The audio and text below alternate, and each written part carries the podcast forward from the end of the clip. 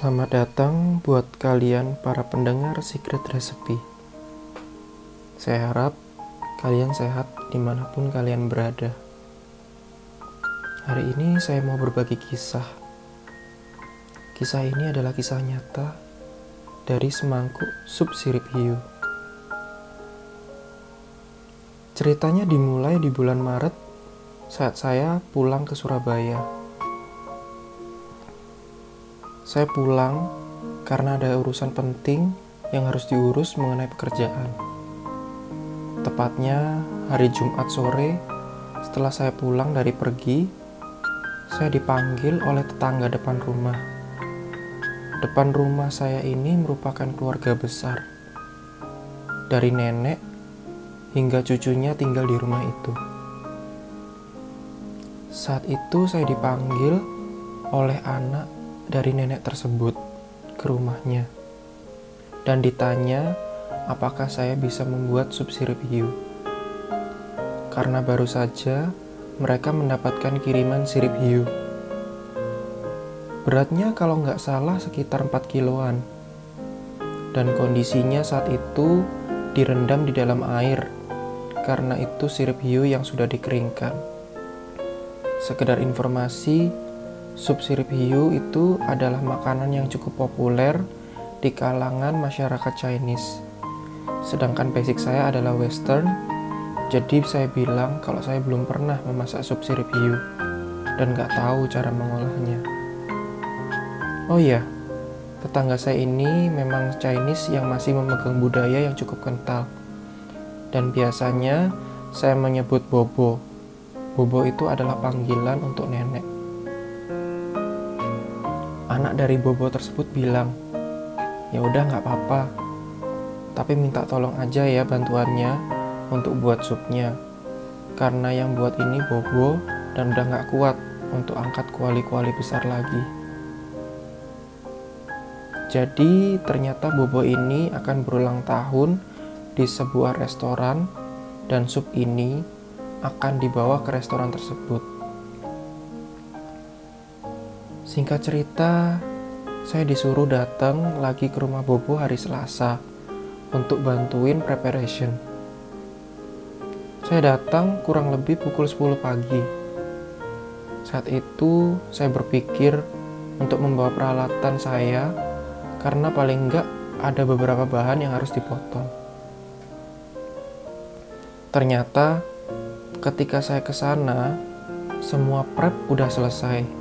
Dari mengiris daging babi, mengiris jahe tipis-tipis, memisahkan daging kepiting dari kulitnya, hingga mengolah sirip hiu hingga siap dibuat sup. Jujur, saya terkejut. Bukan karena prepnya yang udah selesai, tapi karena hasil potongannya yang presisi dan halus. Semua bobo yang prep, anak dan cucunya hanya membantu seadanya.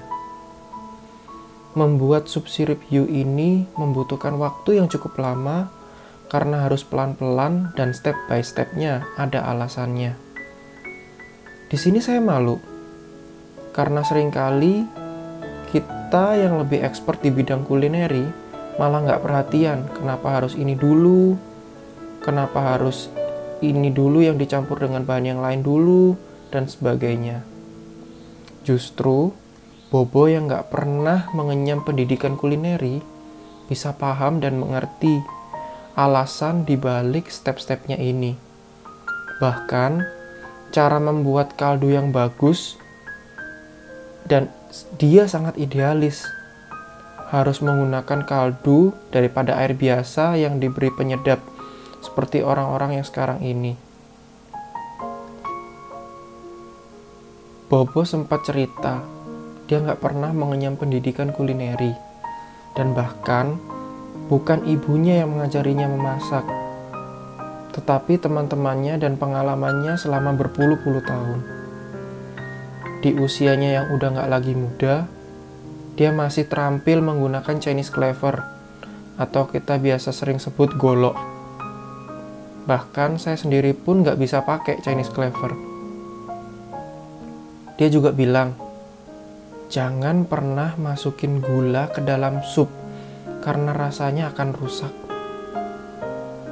Sirip hiu ini katanya harus direndam dalam air selama tiga hari, lalu direbus dua jam sebanyak tiga kali hingga terurai, dan dipisahkan dari tulang-tulang kecil yang merupai pasir, lalu dikukus lagi selama satu jam. Warnanya bening seperti jelly, dan bentuknya panjang-panjang seperti rambut, dengan rasa yang kenyal.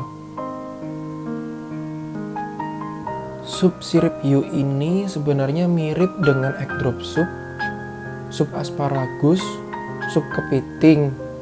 Hanya saja yang membedakan adalah isiannya yang lebih lengkap. Karena ada sirip hiu itu sendiri, irisan daging babi, daging kepiting, dan telur. Sebenarnya saya masih pengen banyak belajar dari beliau, tapi waktunya nggak sempet dan supnya harus segera dikirim ke restoran dan Bobo pun harus segera berangkat. Di pesta, orang-orang sangat menikmati sup buatan Bobo. Setelah pesta itu, waktu berlalu. Lama saya nggak dengar kabarnya, karena memang Bobo punya rumah sendiri yang agak jauh dari rumah anaknya ini. Kira-kira minggu kemarin, saya dipanggil mama dan ditanya, Kamu masih inget nggak? Beberapa waktu lalu tetangga depan rumah pakai baju putih-putih. Saya jawab iya, masih inget. Kenapa? Dan ternyata itu Bobo yang meninggal. Jujur saya terkejut sekaligus heran. Padahal dua bulan yang lalu masih nggak apa-apa dan masih sehat-sehat aja. Penyebabnya adalah penyakit paru-paru. Tapi bukan corona ya guys. Bobo ternyata udah lama mengidap penyakit itu. Ya, umur manusia emang gak ada yang tahu Padahal saya masih ingin belajar banyak tentang budaya dan kuliner Tionghoa dari beliau. Tapi paling tidak, dari sedikit cerita ini bisa menginspirasi kita semua. Teruntuk Bobo, terima kasih. Terima kasih untuk pengalamannya. Walaupun kecil, itu sangat berarti untuk saya. Saya hanya bisa berdoa, semoga Bobo boleh bahagia di sana.